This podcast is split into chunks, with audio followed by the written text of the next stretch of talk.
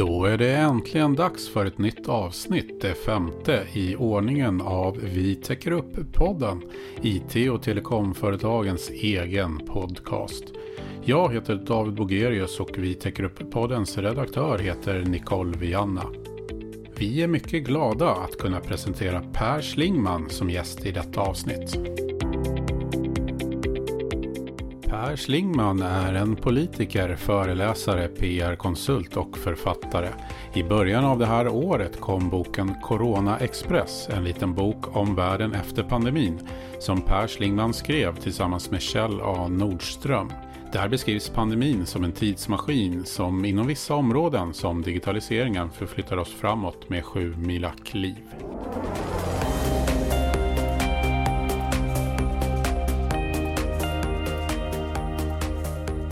Välkommen till Vi täcker upp-podden Per Slingman.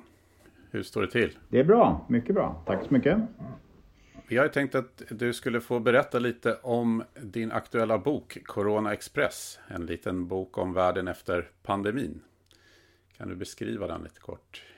Den, handlar i, den, den kom ut i början av det här året och handlar eh, kan man säga om Eh, vilka vi tror, jag och min medförfattare Kjell A Nordström, tror blir de varaktiga effekterna av pandemin. Vår slutsats där är att pandemin är en accelerator, en tidsmaskin som framförallt skyndar på en utveckling och processer vi såg låg i korten och var på väg. Och kanske allra tydligast när det gäller digitaliseringen såklart. Så att vi brukar skoja ibland och säga att när vi vaknade den 1 maj 2020, alltså förra året, så vaknade vi egentligen den 1 maj 2030. Så ett så omfattande kliv har vi tagit när det gäller våra beteendeförändringar, hur vi använder ny teknologi.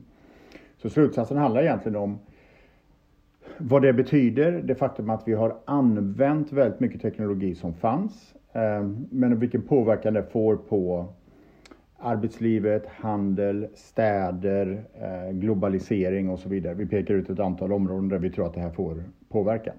Hur kom det sig att ni verkligen kom igång och skriva den? Nej, men vi skrev en bok 2014 som hette Urban Express eh, som var en global trendspaning som landade ut väldigt mycket i att, vad man kan säga enkelt uttryckt, en, en gud, alltså globalisering, urbanisering, digitalisering, satte agendan väldigt tydligt för, för hela världen och för allt vi gjorde. Sen kom pandemin och vi kände båda två då att någonting, det händer någonting eh, som får väldigt stora effekter som inte riktigt eh, stämmer överens med den gamla berättelsen.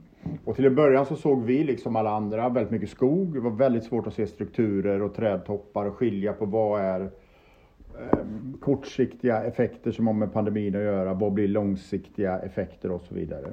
Men egentligen var det just det där att vi kände oss ganska frustrerade.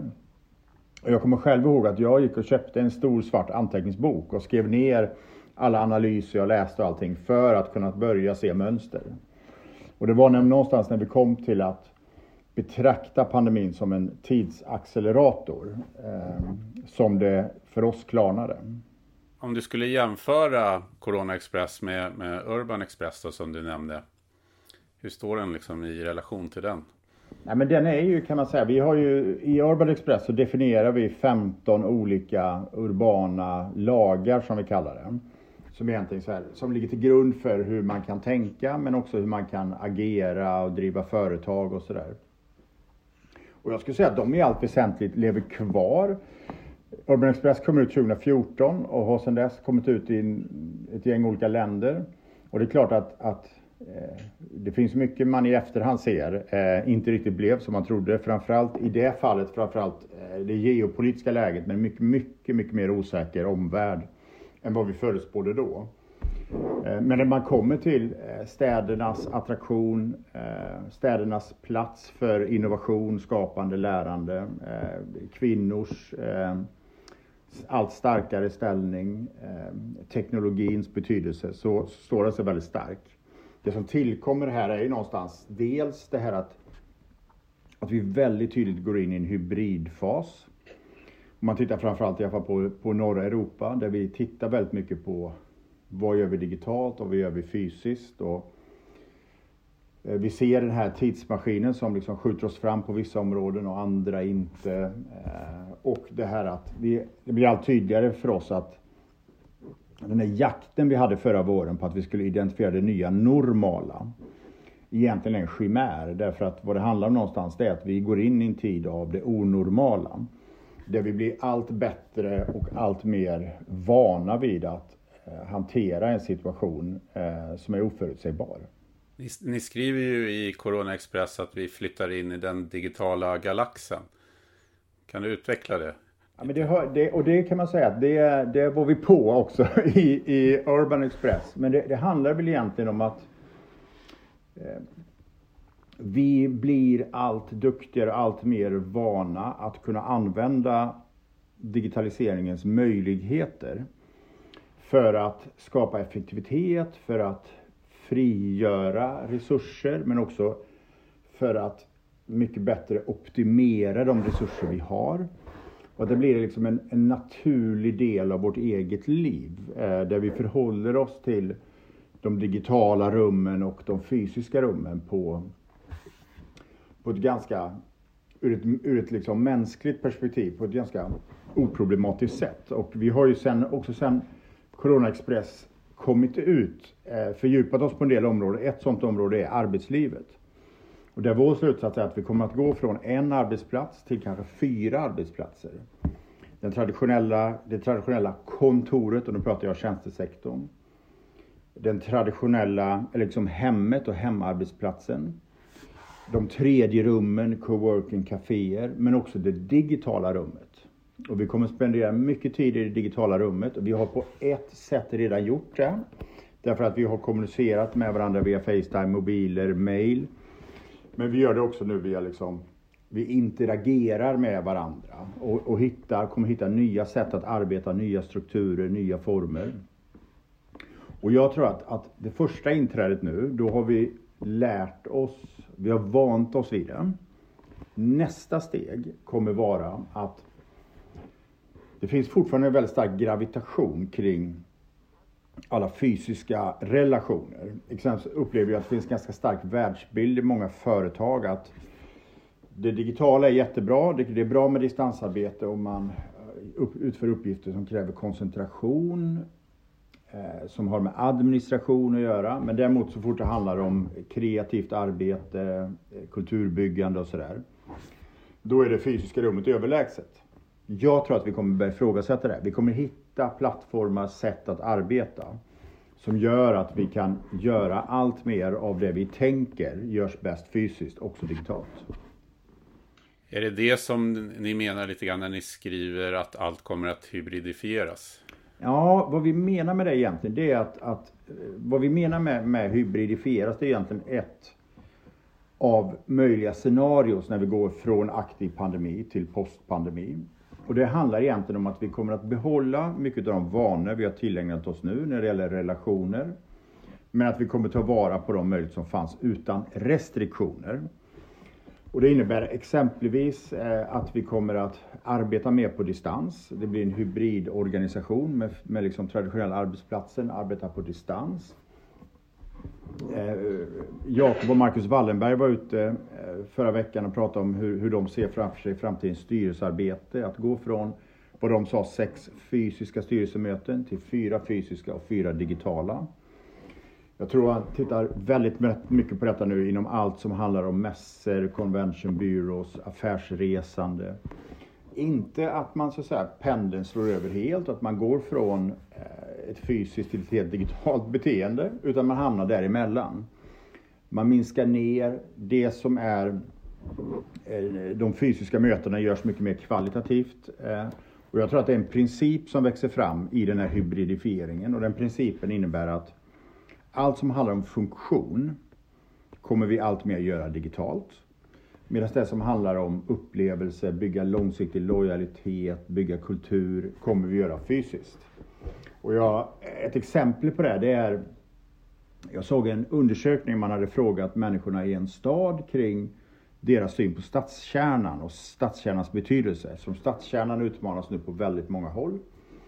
Och då var det en som skrev ett öppet svar, skrev att men tidigare så besökte jag stadskärnan för att utföra ärenden. Det behöver jag inte längre. Och det tycker jag säger väldigt mycket, det här utföra ärenden. Och det har vi ju märkt nu med allt från eh, dagligvaror, apoteksvaror, eh, vi hittar nya strukturer. Det sker också en våldsam utveckling nu upplever jag när det gäller att, att lösa det vi kallar last mile problematiken. Alltså vid exempelvis e-handel, hur hanterar vi den sista biten in i lägenheten genom porten? Den har ju varit helt oproblematisk när människor har arbetat hemifrån.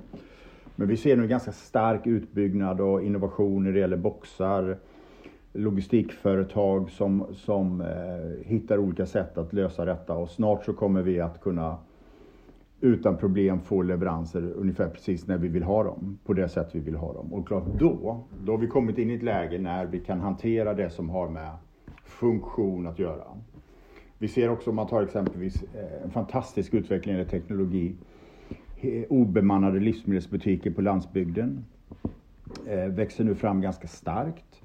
Så att vi ser det på område efter område och pandemin har ju liksom varit att vi har under tvång tvingats använda befintlig teknologi.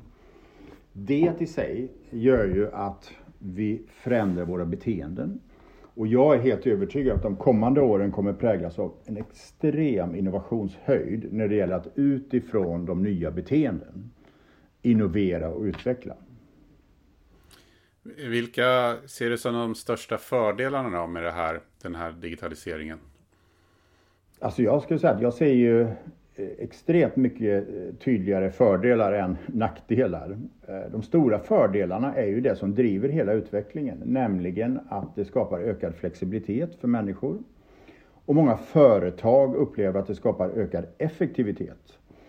Eh, så det är ju uppenbart så. Jag tror att, att värderingsmässigt så har värderingarna om flexibilitet eh, kommit för att stanna.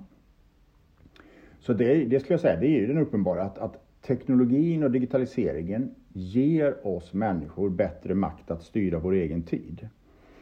Eh, och det är ju den uppenbara fördelen. Nackdelen i allt det här, det är, eller utmaningen ska man väl snarare kalla för, det är ju att det här kräver ju ett, ett nytt steg. Det, mycket mer ansvar hamnar på medarbetarna. Det kräver mycket mer av ledarskapet. Det kräver andra sätt. Många företag måste inse att nu har tidsmaskinen kastat oss tio år fram i tiden. Nu gäller det att hänga med. Så det kommer kasta om eh, konkurrenssituationer, förändra marknader, förändra behov av eh, kompetens. Men i huvudsak till det bättre, så länge du har kompetens och har en, en ställning på arbetsmarknaden som är stark. Utmaningen och problemet här är ju att det förstärker också polariseringen. De som har det tuffast innan får det tuffast efteråt. Eh, vi, ekonomin går ju enormt bra. Eh, vi pratar ju tillväxttal på i Sverige på över 4% USA över 6 procent. En världsekonomi som kanske inte har vuxit så snabbt på 50 år som det kommer att göra de kommande åren. Men det drabbar vissa branscher. Besöksnäring, kultur och så vidare. Och det leder till ökad arbetslöshet. Så det är klart att, att eh, kartan ritas om och det, polariseringen ökar också till följd av detta. Hur anpassad är politiken för den här förändringen? Men politiken kommer nog inte nu eller framåt att vara de som driver utvecklingen. Utan I den delen kan man säga, tror jag, att teknologi alltid slår ut politiken. Jag upplever nu att både när det gäller att ta vara på digitaliseringens möjligheter, men också när det gäller hållbarhet, så ser vi ju hur, hur företagen går i första rummet. En, en mycket intressant och ganska oväntad effekt av pandemin är ju att vi ser ett enormt kliv framåt också i hållbarhet. Titta på bilindustrin, titta på investeringarna i, i batterier, i fossilfritt stål, fossilfri cement. Eh, Enormt kraftfulla investeringar i att utveckla teknologin i en hållbar riktning. Eh, tittar vi på ta vara på möjligheterna med ny teknologi och distansarbete så är det också företagen som går i första rummet. Jag tycker att det är ett problem, för just när det gäller framtidens arbetsliv och arbetsmarknad. där skulle, skulle politiken kunna gå före. Där skulle staten kunna säga att istället för att vi har bara idén att flytta ut myndigheter i landet för att få hela landet att fungera. Så skulle man kunna säga att 30 procent av allt det vi gör i våra myndigheter ska kunna göras på distans för att främja, gå före. Man skulle kunna Eh, ja, men också titta på naturligtvis i skolan, framtidens kompetensbehov, eh, att kunna förstå teknologi. Jag tror ju inte att särskilt många kommer att arbeta med att utveckla teknologi, men vi måste förstå den och kunna använda den. Så där vore det logiskt att politiken gick före. Eh, jag tror dock, jag har ju varit statssekreterare i regeringskansliet, att man har varit ganska upptagen med att hantera pandemin, smittspridning, restriktioner och så vidare. Så jag hoppas att det kommer. En, en, en utmaning är ju som du var inne på det här att få människor att utveckla sin digitala kompetens. Har du några tankar kring det? Först skulle jag vilja säga att, att människors förmåga att utveckla sin digitala kompetens har ju överträffat både min och jag tror väldigt många människors eh, syn på vad som överhuvudtaget varit möjligt. Eh, eh alltså, om vi går en, ett år tillbaka i tiden så var vi alla otroliga dysterkvistar. Vi trodde att en fjärdedel, en tredjedel av BNP skulle utraderas. Samhället skulle fullständigt stanna upp och stå still. Så var det lite grann i början. Vi tog ner riskerna och tänkte att det här kommer snart gå över. När vi insåg att det inte kommer gå över så såg vi en enorm anpassningsförmåga hos människor. Unga, äldre, storstad, landsbygd, spelar ingen roll. Eh, ser 83-åringar utan problem köra Zoom-möten med sina, sina barnbarn. Så att jag tror att, att nu har vi tagit det här klivet. Eh, och det här klivet har vi tagit för att stanna. Så det handlar inte om att människor är, är obenägna och sådär. Däremot så tror jag att det finns en rad konsekvenser av digitalisering. Eh, dels så tror jag att det är viktigt att eh, bildning framöver också handlar om bildningen att förstå teknologi. Det tror jag är viktigt. Eh, men sen så tänker jag också på sådana här saker som källkritik, alltså att, att gå in i ett samhälle med ett överflöd av information där hela kommunikationslandskapet förändras, eh, ställer andra krav, går in i en arbetsmarknad som förutom ökat distansarbete också innebär eh, att vi är inne i en tid av ökad gigifiering, fler blir frilansare. Alltså entreprenöriella egenskaper blir viktigare. Egenskaper att, eh, att vara medarbetare med ett större ansvar. Så det följer ju en mängd olika effekter. Eh, en annan sån här effekt är också att i ett samhälle med snabb kunskapsutveckling så är det omöjligt, tror jag, att man tänker sig ett utbildningssystem som egentligen har idén att när människor är unga så trycker vi på dem kunskaper så ska de räcka resten av livet. De kommer aldrig räcka resten av livet utan vi måste egentligen redefiniera och tänka om tror jag när det gäller kunskap överhuvudtaget. Och väldigt mycket kommer hamna hos den enskilde att vilja hela tiden utveckla sin kompetens och sina kunskaper. Om man skulle sätta fokus på ledarskapet då, vad krävs för ett framgångsrikt ledarskap? framöver med tanke på de förändringarna som skett och sker. Ja, men om det är så att vi då går in i en mer hybrid arbetsmarknad. Jag tror att vi kommer att göra det, men jag tror också att den kommer att eh, innehålla väldigt mycket mer av struktur än vad vi kanske ser framför oss nu. Jag är helt övertygad om att nästan alla företag, i alla fall alla jag, de jag pratar med, sitter just nu och funderar på okay, ska, hur ska vi förhålla oss till detta? Vad är vår syn på distansarbete? Vad är våra strukturer? Jag har pratat med flera om att exempelvis att börja införa distansonsdagar. När man säger att på onsdagar så distansarbetar vi, därför att då försöker man lägga en viss typ av uppgifter den dagen och så lägger man andra typer av uppgifter andra dagar. Men det är klart att när människor blir mer oberoende av geografi så måste ledarskapet eh, utvecklas och jag tror att dels så ställer det mycket mer krav på att vara ett mål målorienterat ledarskap. Om alla genomför sina uppgifter på olika platser i högre grad så måste alla se det jag gör i relation till helheten. Därför att annars så blir det som, som någon har sagt att vi går från stuprör i organisationerna till att vi är våra egna sugrör. Vi gör vår grej men vet inte vad någon annan gör. Och det betyder ju också att ledarskapets kommunikativa förmåga blir viktigare. Kommunikativa förmåga att vara mycket mer närvarande, mycket mer närvarande i olika kanaler. Att vara också mer empatisk och se, fundera, känna av mottagaren trots att man inte är i samma rum. Så att det kommunikativa, det målinriktade blir viktigare, eller visionära. Samtidigt så tror jag också att det här kräver mer struktur. Jobbar man oberoende av varandra så har man inte möjligheten i det här fysiska rummet att lösa de här små problemen, hitta de här, den här omedvetna kommunikationen, utan det måste vara mycket, mycket tydligare strukturer.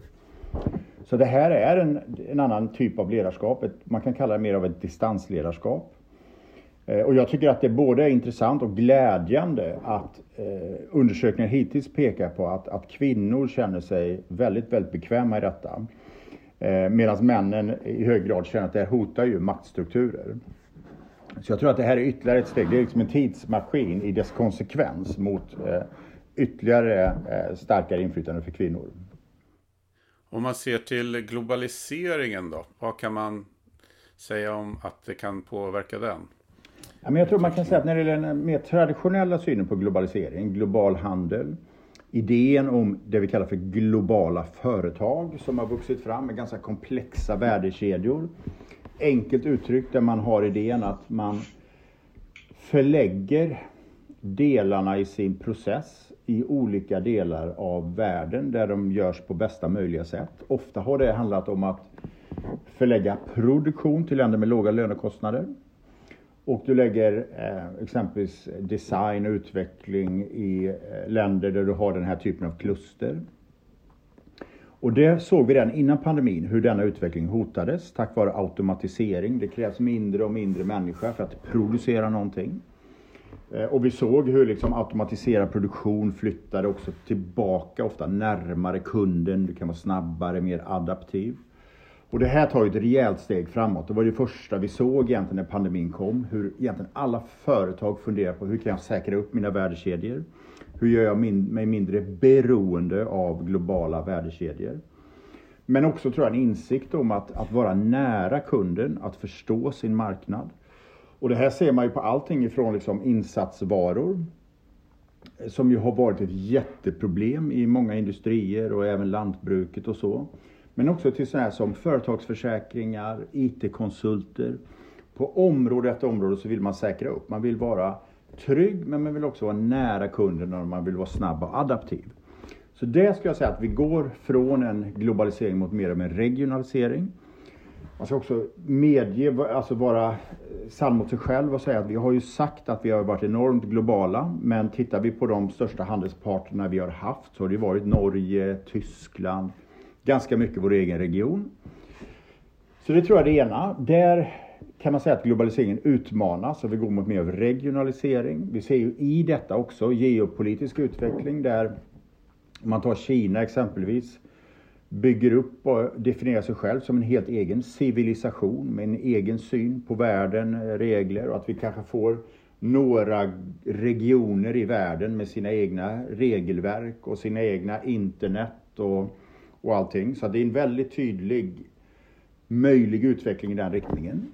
Å andra sidan då så ser man på andra områden en, en, en förstärkt globalisering när det gäller kunskap och information såklart. När det gäller arbetsmarknaden, klart har du en, har du en mer av distansarbete så innebär det en romantisk syn att okej, okay, men då kan man sitta i, på gården på Gotland och jobba. Och sen så har man hela världens storstadsregioner, eller, eller i alla fall Sveriges storstadsregioner som, som marknad och lönedefinierande nivå. Men på samma sätt som att man sitter i, eh, i När på Gotland exempelvis, så kan man sitta i Kiev, i Hanoi.